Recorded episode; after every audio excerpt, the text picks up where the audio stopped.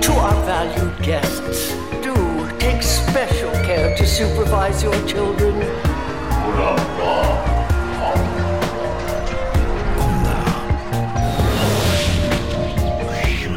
Het is weer ochtend in Pretparkland.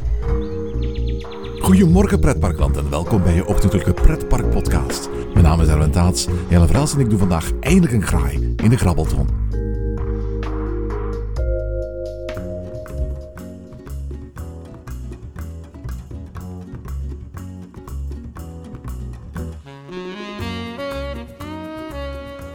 Goedemorgen Jelle.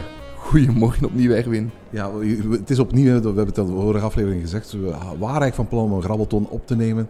Daar zijn we toen niet aan toegekomen, we zijn eventjes gepauzeerd en we hebben nu opnieuw de recordknop ingeklikt. We gaan eigenlijk nu verder met waar we eigenlijk een uur geleden moesten mee gestart zijn. Namelijk het beantwoorden van vragen uit onze grabbelton. hè. Ja, maar we zijn zo'n vroege vogels. Het is nog altijd donker buiten, Erwin. En eh, het, is, eh, het is nog altijd ochtend, hè. De kerstboom staat hier nog altijd, dus we zijn nog altijd een beetje in de, in de sfeer van, van, van de eindejaarsvreugde. Kom, dat hoort er toch bij niet? Ja, dat vind ik absoluut. Als de Efteling, winter Efteling mag vieren tot ergens in maart, dan mag vandaag in half januari de kerstboom hier nog altijd staan. Hoor. Nu, op Instagram hebben we gevraagd om ons vragen te stellen. Jullie hebben daar weer massaal op geantwoord. We gaan proberen om een aantal van die vragen eruit te halen.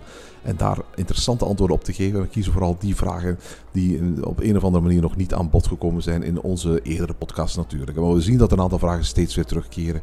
Eh, we verwijzen daarvoor graag naar eerdere afleveringen van de Grabbelton. Laten we even kijken wat we hier allemaal staan hebben. Een van de vragen is eh, van Team Park Matty. Wat vinden jullie van de nieuwe prijs van Plopsland de Pannen? Is dat park het nog waard?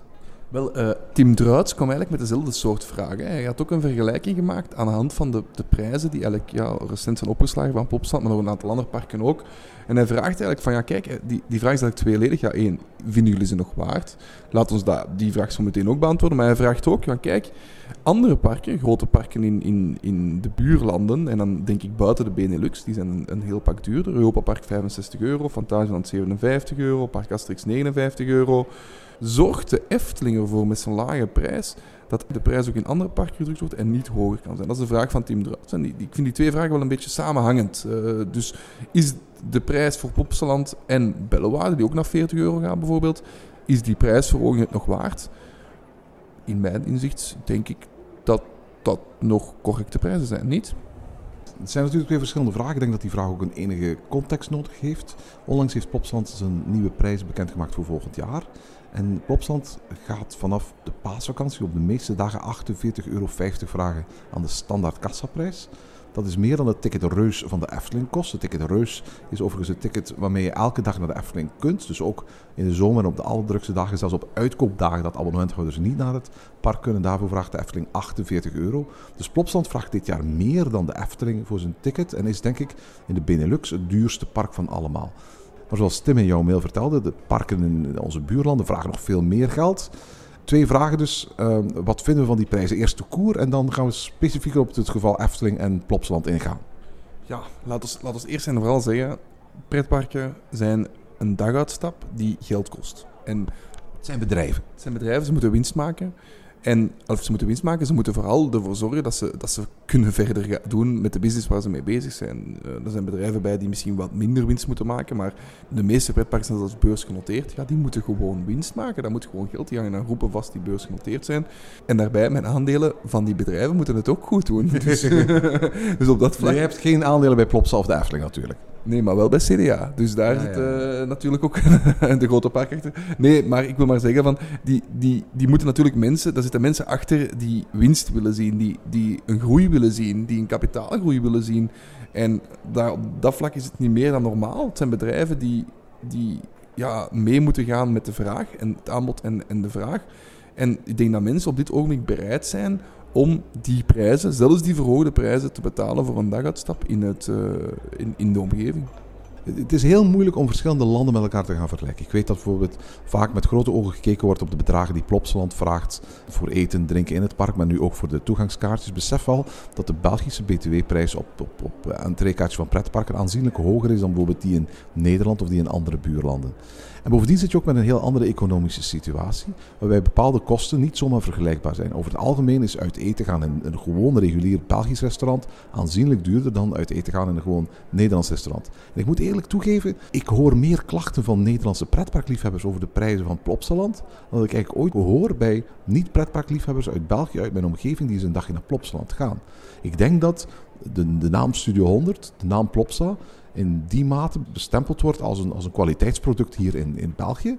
Dat de mensen die er in grote getallen, dan hebben we het over anderhalf miljoen bezoekers en meer, naartoe trekken elk jaar in de pannen, daar in veel gevallen geen bezwaar tegen hebben en dat een correcte prijs vinden. Binnen uiteraard de contouren die BTW-wetgeving en andere prijsstellingen binnen dit land met zich meebrengen. Ik denk dat je ook niet mag vergeten wat voor groot percentage niet die prijs betaalt aan de kassa die online bestelt met een klein beetje korting, die kortingskaarten heeft, die een abonnement heeft op een ander pretpark of een ander dierenpark waar je korting mee krijgt, die bij de grote gezinnen zit waardoor ze korting krijgen, die leraar is waardoor je korting krijgt. Er zijn 101 manieren om in de Belgische pretparken als Belg korting te krijgen. Dus ik denk dat het aantal mensen dat effectief die volle pot betaalt aan de kassa best meevalt. Absoluut, en we zien dat bij andere parken ook. Ik bedoel, Toverland uh, haalt zogezegd dit jaar de kaap van 1 miljoen bezoekers. Eh, maar ik denk niet dat daar echt daadwerkelijk 1 miljoen bezoekers de kassas gepasseerd zijn. Voor een heel groot stuk zijn dat, zijn dat getelde bezoekers die eigenlijk kaartjes krijgen via overnachtingsdeals of gratis kaartjes van acties die ook als bezoekers zijn meegeteld. En ervoor zorgen dat het aantal daardoor kunstmatig hoger is dan een jaar dat dat soort acties niet worden georganiseerd. Bij heel veel parken is dat zo. En wat jij nu zegt over, over, over kortingsacties, dat is absoluut waar. En er speelt nog iets. Ik was onlangs bij een pretparkdirecteur te gast. Ik stelde hem de vraag van, met de crisis die op ons afgekomen is, met de enorme inflatie, met de recessie die om de hoek loert, hoe kan een pretpark zich daar het best op voorbereiden?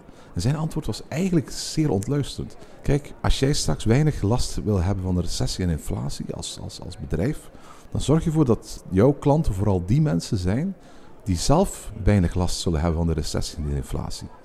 Als jij jouw klanten vooral gaat proberen te zoeken bij die mensen die, die die inflatie, die recessie, de crisis ontzettend gaan treffen, dan ga je het heel lastig krijgen als bedrijf de komende jaren. Als jij zegt van ik ga mijn product zo verbeteren, ik ga mijn product zo positioneren dat vooral een crisisproof publiek van mijn park kan gaan genieten, dan kan ik mijn toekomst van park ook veilig stellen. Ik geloof ook dat dat bij bijvoorbeeld Plopsland het geval is. Dat een van de dingen die Plopsland doet, zich met name op die manier positioneren qua prijs, dat ze een publiek hebben dat veel makkelijker eens in het park zijn hoge bedragen voor eten en drinken wil betalen, maar ook bijvoorbeeld extra wil gaan betalen voor een theaterbezoek, extra wil gaan betalen voor een plopsaka-bezoek, extra wil gaan betalen om bijvoorbeeld in het hotel te overnachten. En dat is uiteindelijk een hele goede strategie op het moment dat het crisis is en dat er een groot deel van de bezoekers moet passen op wat uit hun beugel verdwijnt. En ik kan me voorstellen dat de omgekeerde strategie, inzetten op heel veel kortingsacties, je prijzen dumpen, juist een publiek naar binnen haalt dat absoluut niet zo kapitaalkrachtig is en daardoor ook in het park veel minder gaat besteden. En dat je dat als park heel snel zult voelen in je bottomline.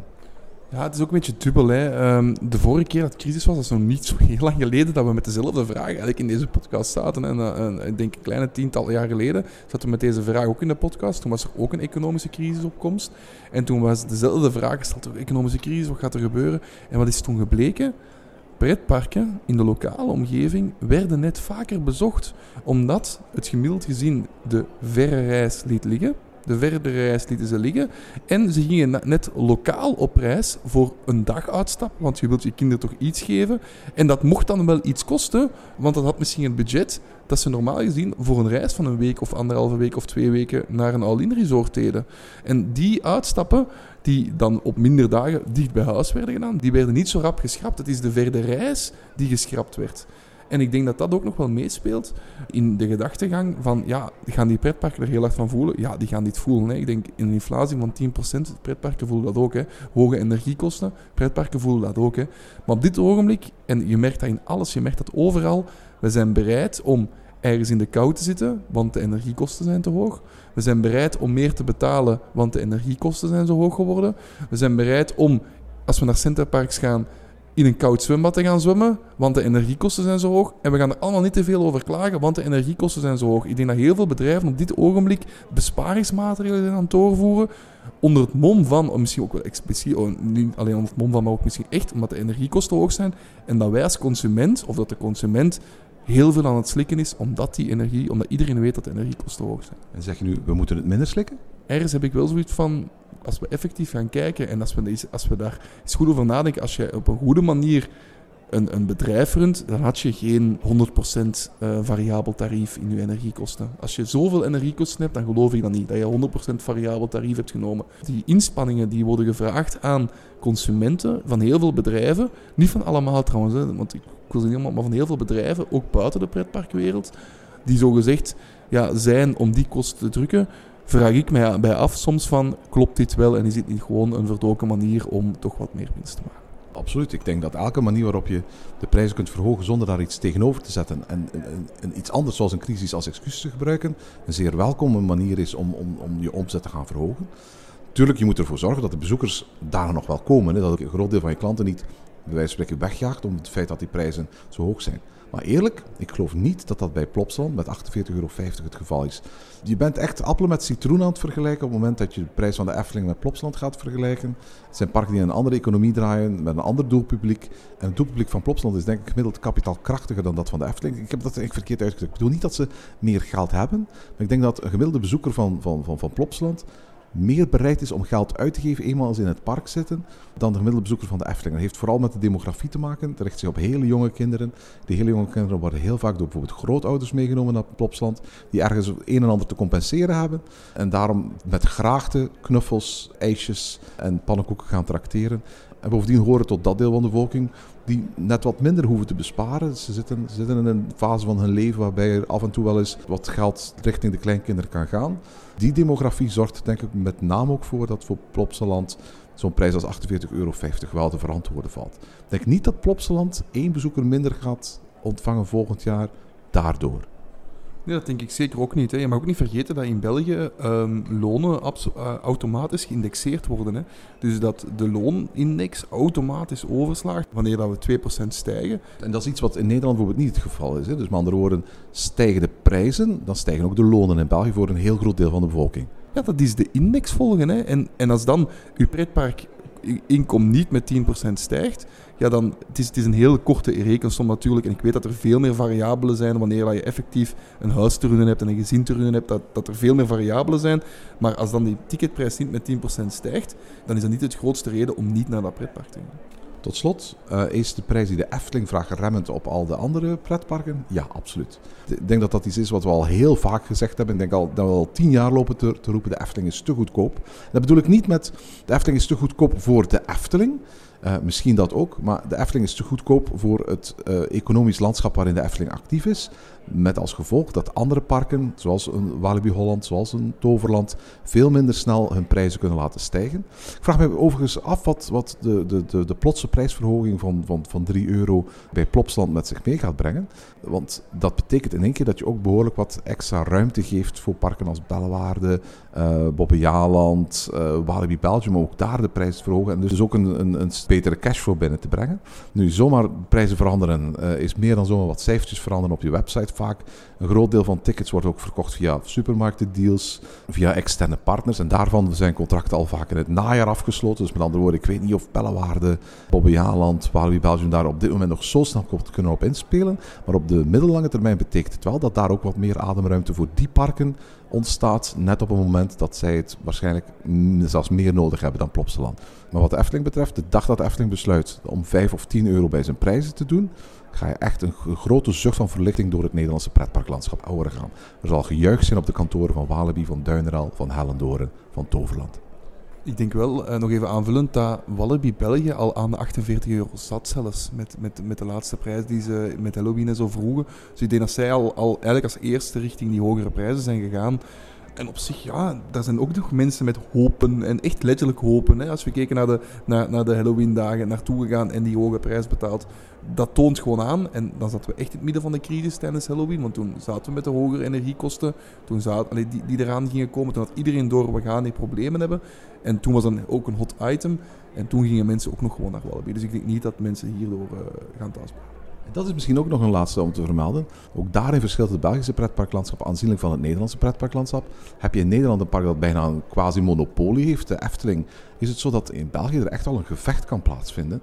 Plopsland de Pannen en Walibi Belgium doen jaar in jaar uit haasje over zelfs inclusief hun waterparken die ze hebben, die wedijveren jaar in jaar uit om de titel van grootste en beste park van België. En dat is ook dan het park dat op dat moment de prijs mag gaan bepalen en de prijs omhoog mag sturen. En dat is het ene jaar Plopsland, dat is het andere jaar Walibi Belgium. En dat heeft als gevolg dat de prijzen daardoor, denk ik, gemiddeld sneller stijgen dan in een land als Nederland, waar eigenlijk één park de prijs mag zetten, namelijk de Efteling. Wat me ook opvalt is, we zijn samen in de Efteling geweest, nog niet zo heel lang geleden, dat de prijs van eten en drinken dan nog altijd niet hoog is. Ze hebben wel opgeslagen, maar ik was uh, vorige week nog in Amsterdam. Als ik in Amsterdam een winkeltje binnenloop, een snoepwinkeltje binnenloop, dan betaal ik daar 4 euro voor een flesje frisdrank. 4 euro in een winkel in Amsterdam. Ik wil er als abonnementhouder wel bij zeggen dat ik het gevoel heb dat pakweg de afgelopen jaren, anderhalf jaar, twee jaar, de gemiddelde horecaprijzen van de Efteling wel gevoelig gestegen zijn. Maar ze blijven voor de status die dit pretpark heeft nog altijd zeer betaalbaar en onder het niveau van dat van bijna alle parken in België. Goed, we gaan eens naar een volgende vraag kijken. Hè? Maurice de Zeeuw, uh, onze collega-podcaster van uh, Team Talk, vraagt de intrigerende vraag is de fan-tendens rond grote pretparkgroepen, uh, Compagnie de Zalp, Pakkes Reunidos, Merlin, positiever geworden. Waarmee je eigenlijk wil zeggen, een aantal jaar geleden, 10, 15 jaar geleden, hadden deze groepen, pretparkgroepen, echt een enorm slechte reputatie. Denken wij nu positiever na over dat soort pretparkgroepen dan, dan pakweg 15, 15 jaar geleden? Daar heb jij vandaag de dag een beter gevoel bij, bijvoorbeeld Compagnie de Zalp, je bent daar aandeelhouder, dan pakweg 10 jaar geleden. Ik laat even stilte, omdat ik aan het nadenken ben over de vraag. En het is een moeilijke vraag voor mij. Ik, ik, ik denk wel, als ik terugkijk naar hoe ik vroeger keek naar pretparkgroepen, en ook zeker toen, die, toen, toen de, de buurtparken werden overgekocht door al die grote pretparkgroepen, dat was slecht. Dat waren de slechte. En ik weet niet of ik daar nu nog zo naar kijk. Als ik nu op dit ogenblik kijk naar hoe Compagnie de Zelp hun parken runt en, en de vrijheid die ze krijgen en de investeringen die ze hebben kunnen doen, dan ben ik op zich niet, praat ik niet slecht over Compagnie de Zelp ik ben nog altijd geen voorstander van bepaalde praktijken die bepaalde van die, van die pretparkgroepen hebben ingevoerd. Ik ben al eventjes niet meer in een Merlinpark geweest, maar de manier hoe dat in Merlinparken, en ik heb gehoord dat het nog altijd gebeurt, uh, bijvoorbeeld in Gardaland, hoe dat daar de tickets, de voorstikpasjes worden ja, in je strot geduwd om daar toch maar extra geld uit je, uit zakken te kloppen. Ja, dat, dat ontsiert een dagje pretpark zo hard. En dat vind ik enorm jammer. Dat hetzelfde wat we meemaken met de Cedar Fair groep, die ook dat doet. Die ook die voorsteekpasjes zo hard door mensen hun strot probeert te duwen. En dat is wel iets dat je in de vroegere familieparken niet had. En ik denk dat dat een, een, een gevoel is als, als pretparkliefhebber. Wanneer je naar een pretpark gaat, is dat een gevoel, en dat, dat koppel ik wel vaak aan groepen, waarvan dat in veelvoud op zoek gaan naar die meerkost. Wat kan ik hier allemaal meer... Het, meer uit mijn zakken, meer geld uit mijn zakken halen.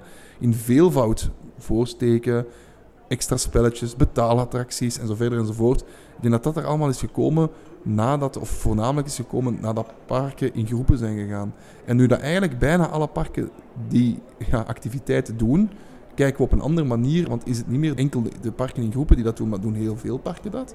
En kunnen op een andere bril en zijn dan niet meer de boemans zoals het vroeger waren een beetje.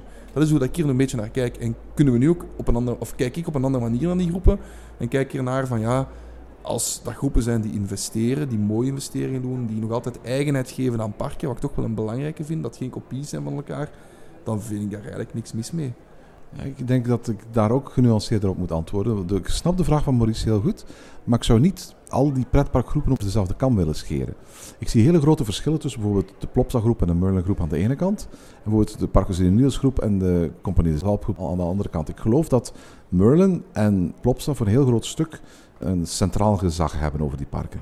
Wat er in, om het even welk park van Plopsa gebeurt, wordt voor een heel groot stuk bepaald door bijvoorbeeld wat in de pannen beslist wordt daar zie je wel lokale verschillen ontstaan. Maar tegelijkertijd zie je ook wel dat zodra bijvoorbeeld Plopsa de handen kan leggen op bijvoorbeeld de Smurfen-licentie, dat je in één keer een heleboel parken ziet, van Plopsa Station tot Plopsa Co, tot straks die Dark Ride in plaats van uh, Burg Falkenstein in uh, Holiday Park, dat die Smurfen ook daar weer gaan opduiken. Dat eenheidsworst-idee associeer ik wel met de negatieve gevoelens die ik vroeger had bij parken als Parques Reunidos en, en Compagnie de Zalp. En ik denk dat daar inderdaad iets, iets, iets veranderd is. In plaats van dat je ziet dat al die parken op hetzelfde moment een madhouse krijgen, op hetzelfde moment dezelfde soort Zamperla-attracties aangeboden krijgen, is het zo dat de gaandeweg die verschillende pretparkgroepen begrepen hebben dat de kracht voor een heel groot stuk zit in het loslaten van dat centrale gezag en de verschillende parken echt op een eigen niveau, op een eigen lokale manier dat park te laten groeien. En dat betekent dat parken als Walibi Belgium de kans hebben gekregen om zich een heel ander profiel te laten aanmeten dan bijvoorbeeld Walibi Holland.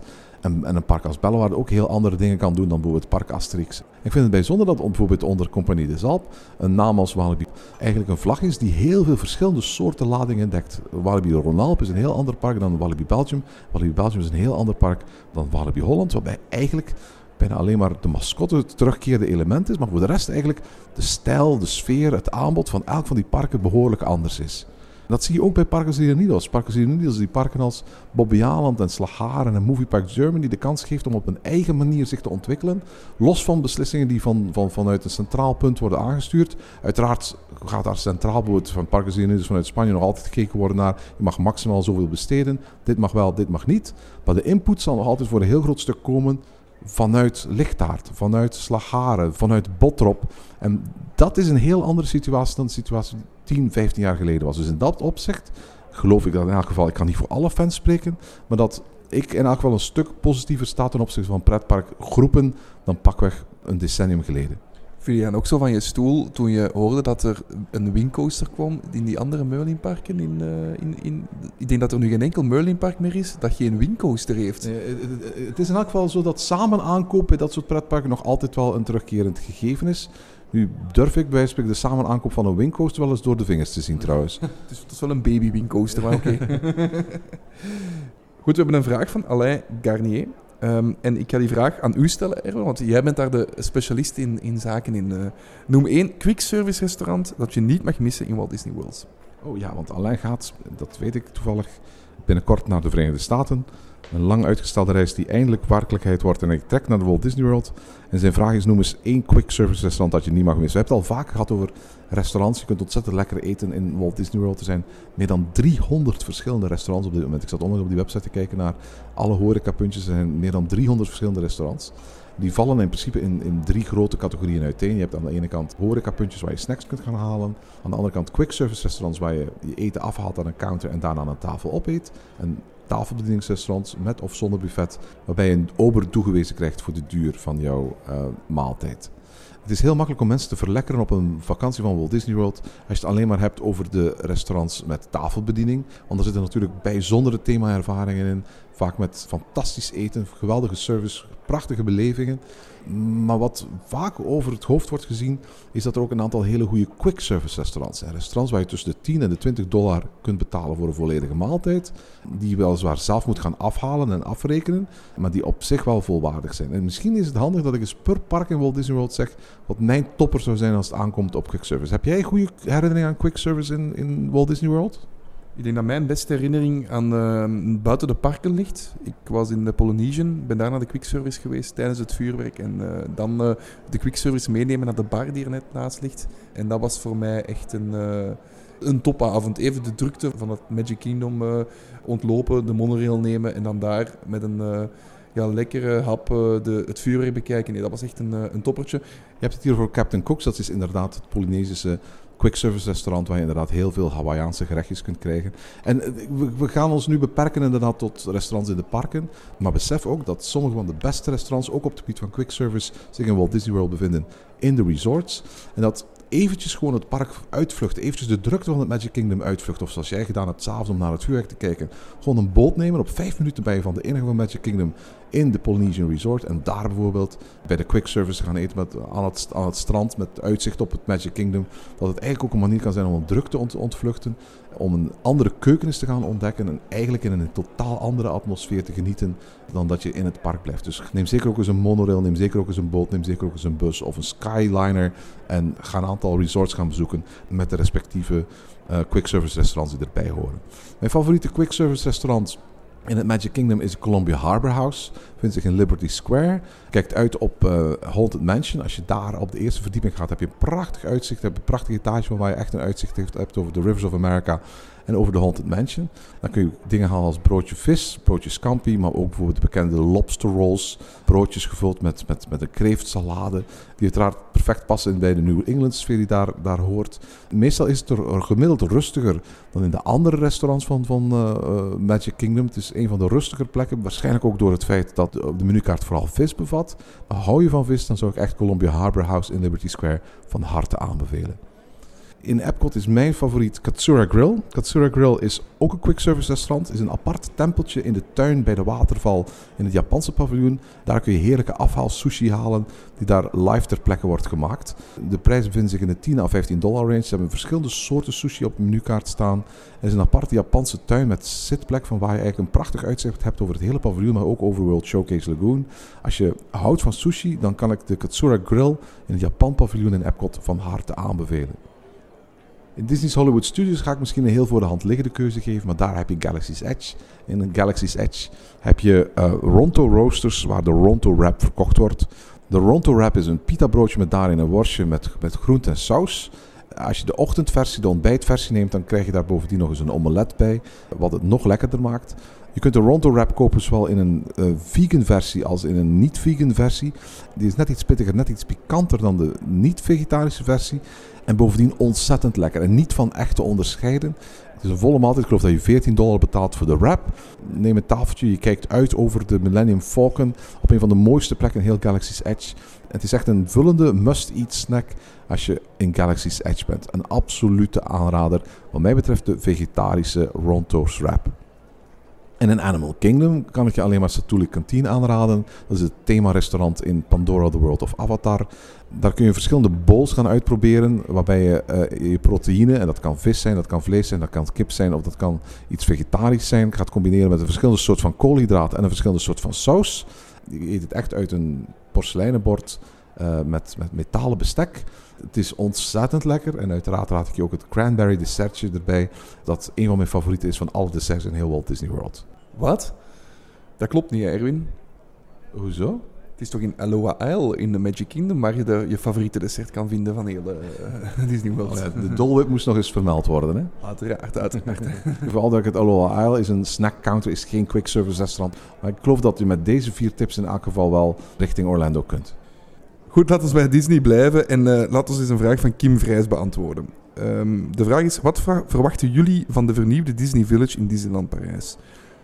Ik eigenlijk weinig, want ik heb dat nieuws niet gevolgd. Dus ik kan er eigenlijk weinig over zeggen. Ik val een beetje door de mand als, uh, als pretpark van hier precies. Nee, ik snap, ik snap het wel. Want vooral duidelijkheid, het is ook nieuws dat eigenlijk tot nu toe een beetje onderhuids door, door Disney naar buiten is gebracht. Het is niet zo dat um, op D23 er een grote aankondiging is gekomen, zoals ooit het geval was bij uh, Disney Springs en Walt Disney World, van we gaan dit helemaal aanpakken. Er is ook nooit ergens een groot artikel op de Disney Spar blog rond verschenen zijn een aantal veranderingen die, die stap voor stap gevoed zijn aan de fans, die de komende jaren gepland zijn. Het is duidelijk dat vanaf pakweg begin dit jaar, dus januari 2023, Disney Village, het uitgangsgebied van uh, het Disneyland uh, Parijs, uh, aangepakt gaat worden. Het uitgangsgebied is ooit ontworpen door architect Frank Gehry, bekend van onder andere het Guggenheim in Bilbao en de, Walt Disney Concert Hall in, in, Los Angeles. Hij heeft geloof ik ook het Louis Vuitton gebouw in Parijs ontworpen. Maar echt fan ben ik er nooit van, van geweest. En dat heeft met een aantal dingen te maken. Frank Gehry heeft een hele typerende stijl. Maar een stijl die je moet nemen of laten. En ik geloof dat zodra hij zijn ontwerp voor Disney Village gemaakt had... en dat bij de Disney Imagineers had ingediend... men eigenlijk al twijfels had bij of dit wel de beste manier was om Disney Village op te leveren. En eigenlijk van in het begin zijn de bouwers van Disney Village aanpassingen gaan doen... aan het oorspronkelijke ontwerp van, van Frank Gehry. En gaandeweg al heel snel zijn er bepaalde dingen aangepast, waardoor je eigenlijk de afgelopen jaren een, een heel lelijk amalgaan hebt zien ontstaan van aan de ene kant die oorspronkelijke architectuur van Gary en aan de andere kant de honderden aanpassingetjes die er door Imagineers en andere mensen aan gedaan zijn, waardoor je eigenlijk een hele rare combinatie architectuur hebt die heel weinig gezelligheid uitstraalt, heel sfeerloos is en eigenlijk vooral gericht is op functionaliteit en de invulling van de verschillende plekken door de verschillende huurders die daar de afgelopen jaren allemaal zijn gekomen en gegaan. We weten dat Disney de afgelopen jaren werk heeft gemaakt van zijn verschillende uitgaansgebieden. In Orlando is Downtown Disney volledig omgebouwd tot Disney Springs, wat een fantastisch goed gelukt project is. Dat ziet er werkelijk fantastisch uit. In um, Disneyland Anaheim is men begonnen met een uh, volledige renovatie van Downtown Disney, maar daar is men tot op de dag van vandaag nog heel erg mee bezig. En nu in januari begint men hetzelfde te doen met de Disney Village. Af en toe zijn via verschillende filmpjes en verschillende Instagram-posts wel een aantal concepten uh, naar buiten gebracht. Maar ik moet eerlijk toegeven, um, geen van de dingen die ik tot nu toe gezien heb, maar daar word ik echt wild van. En dat heeft voor een heel groot stuk te maken met een tendens die bij Disney Imagineering aan de gang is. Waarbij functionele architectuur, en dat is zeggen architectuur ten dienste van hotelovernachtingen, winkels, uh, restaurants een stuk understated wordt gebracht dan uh, architectuur in de parken. Ze willen als het ware een soort van verschil maken tussen aan de ene kant de attractiearchitectuur en aan de andere kant hun functionele architectuur. En we zien steeds meer restaurants, hotellobby's, maar ook winkels eigenlijk een, een, een, een uitstraling hebben die veel neutraler is en veel minder Disney uitstraalt dan pakweg wat men 10, 15, 20, 30 jaar geleden deed bij Disney.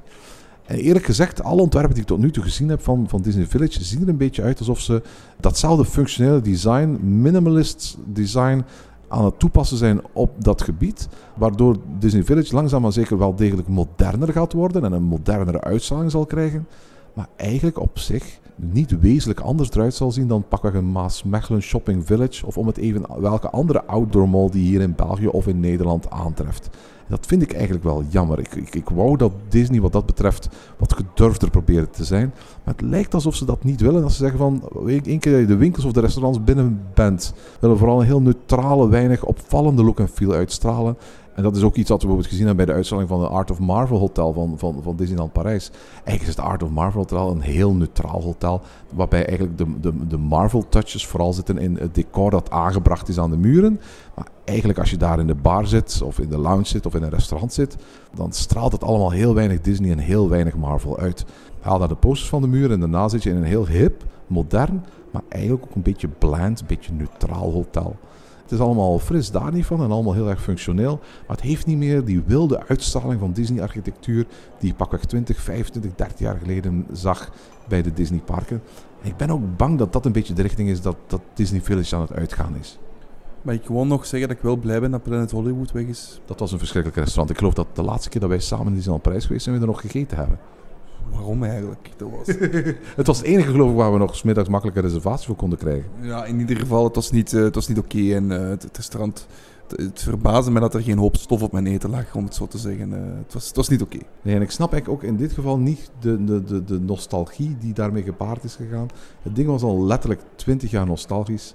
En bovendien, de plaats die het had in Disney Village, helemaal aan het begin, trok wel heel veel aandacht naar zich toe. Ik hoop dat Disney in elk geval af kan stappen van die lelijke bal. Daar niet zomaar bij spreken een ander kleurtje en een ander logo ophangt en daar een Disney-restaurant van maakt. Maar dat Planet Hollywood met de grond gelijk gemaakt kan worden en dat daar een nieuwe moderne winkel of een nieuw moderne restaurant voor in de plaats kan komen. Misschien kunnen ze twee kleine bollen bovenop die grote bol zetten. en de grootste hidden Mickey ter wereld van maken of zo. Voilà, een goed idee, zijn niet? Uh, architect Jelle. maar nee, weet je wat het probleem is? Disney Village is nu absoluut niet meer sfeervol. Het is absoluut niet meer stijlvol. Het is verouderd, het is belegen, het is stoffig. Je hebt echt het gevoel dat je een soort van vintage YouTube-filmpje over de jaren 90 binnen, binnenwandelt. In dat opzicht kan alles wat er de komende maanden gaat gebeuren alleen maar een verbetering zijn. Maar blijft Disney. Het moet meer zijn dan alleen maar een update of een verbetering. Het zou ook mooi zijn als we iets van, van, van de glorietijden van Imagineering daar, daarin kunnen terugzien. Maar ik vrees er een beetje voor.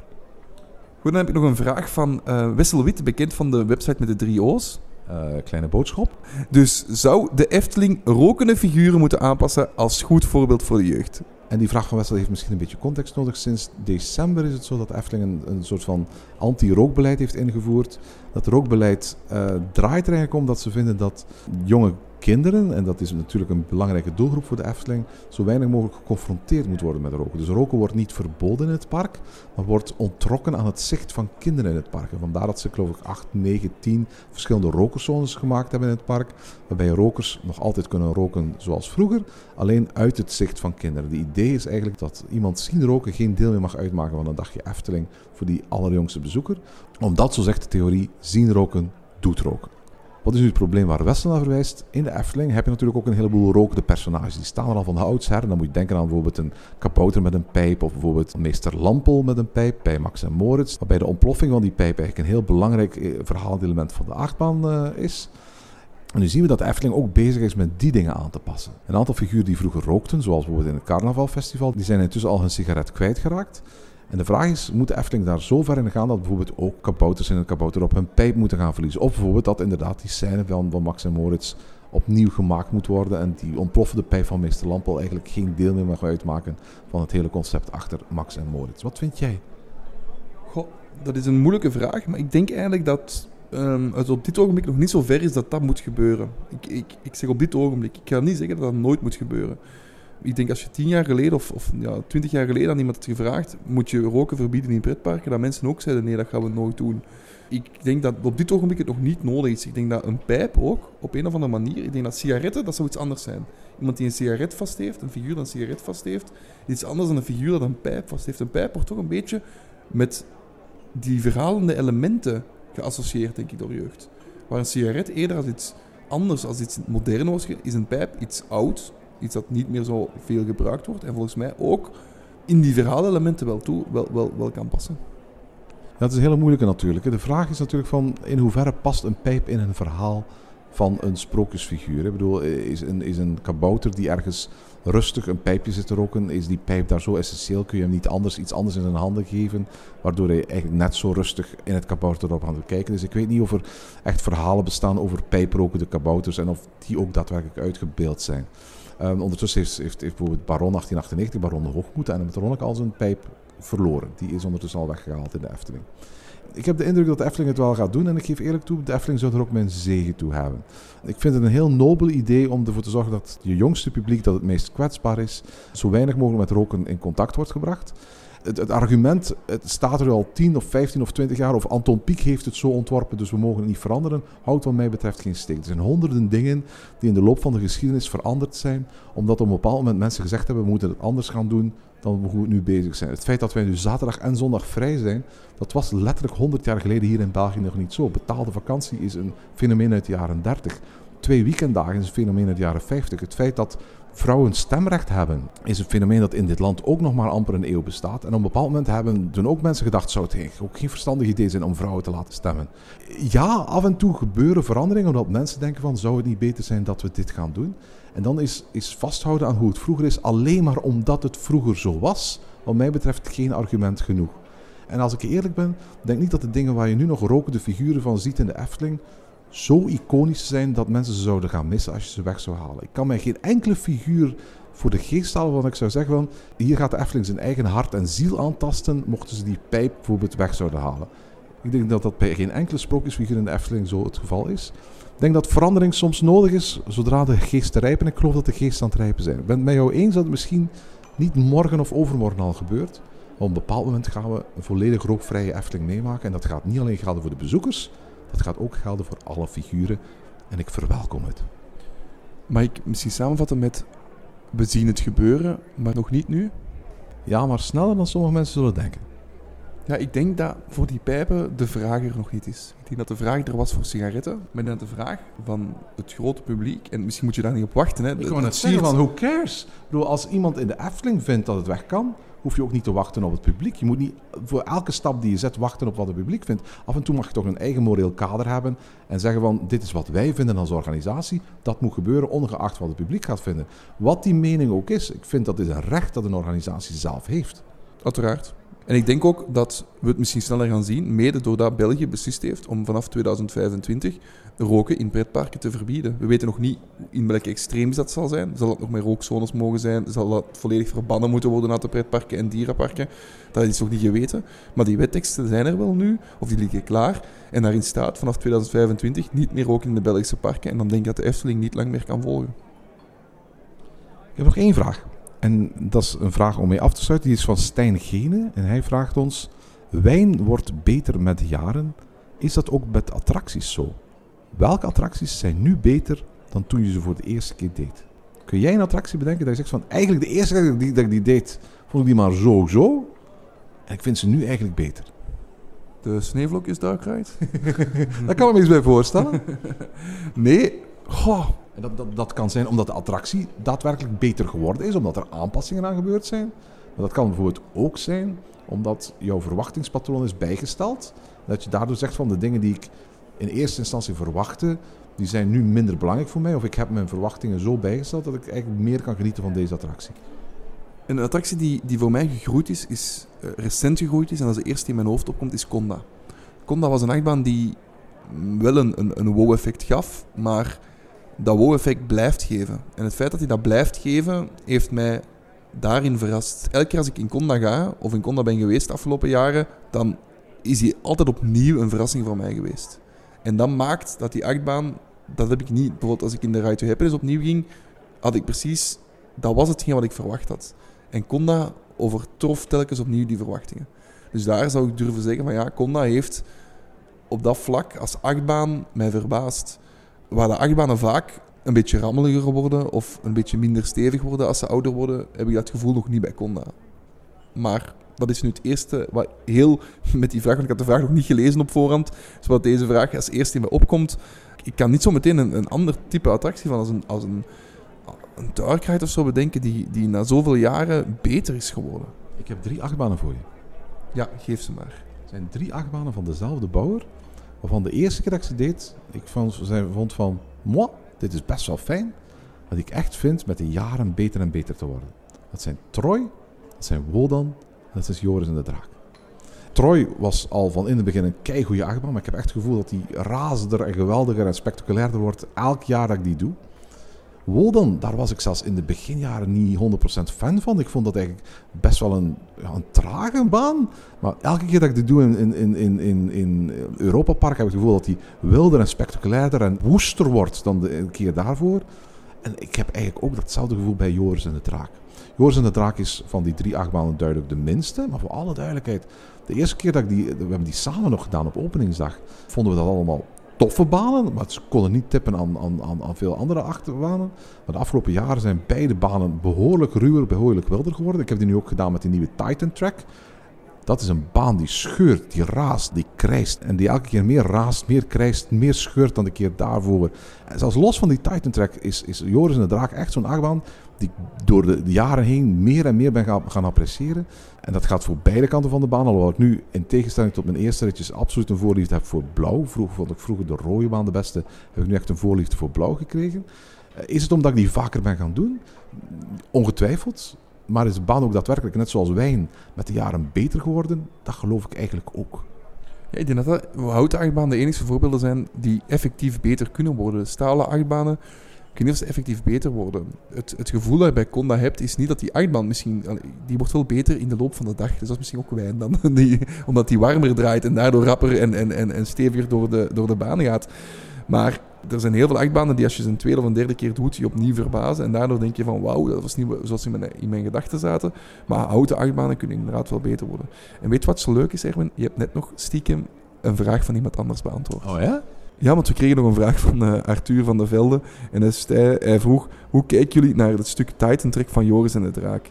Is het een noviteit, mooi extraatje of een zwaktebod om maar minder tijd en moeite te moeten steken in echte, leesvolledige houten achtbanen? Als ik jou zo hoor, Jij bent er van. Het is een betere achtbaan dan wat ervoor stond. De Titan Track maakt ook behoorlijk wel lawaai en dat zorgt voor behoorlijk wat spektakelwaard. Ik kan me voorstellen dat men in de buurt in Kaatsheuvel daar niet 100% blij mee is. En ik kan me voorstellen dat de kritische buurtbewoner daar al wel eens met zijn decibelmeter zal zijn gepasseerd. Maar voor al duidelijkheid, het is maar een heel klein stukje Titan Track. Maar door dat kleine stukje Titan Track glijden de treinen als boter. En het is werkelijk een fenomenale verbetering. Uh, er komen nog wel een aantal aanpassingen geworden in de draak komende jaar. Maar zoals de achtbaan nu draait, heeft hij al in vele jaren niet meer gedraaid. Dit is echt een serieuze upgrade. Voilà, zoals wijn dus. Zoals wijn, absoluut. Zeg, Jelle, ik vrees alweer hetzelfde moeten zeggen. We hebben weer heel veel vragen gekregen waar we niet tot antwoorden toegekomen zijn. Maar 2023 is goed begonnen. We zijn ondertussen al onze tweede podcast van het jaar. En dat betekent dat we nog veel meer tijd gaan maken dit jaar. Om nog veel meer podcasts te maken en daar ook vragen te beantwoorden van luisteraars. Dat zullen we zeker doen. En tot zover deze aflevering van Ochtend in Pretparkland. Volg ons via het Pretparkland op Twitter, Instagram en Facebook of mail naar ochtend.pretparkland.be. Ochtend in Pretparkland is de pretparkpodcast voor vroege vogels. Bedankt voor het luisteren en maak er een fijne dag van.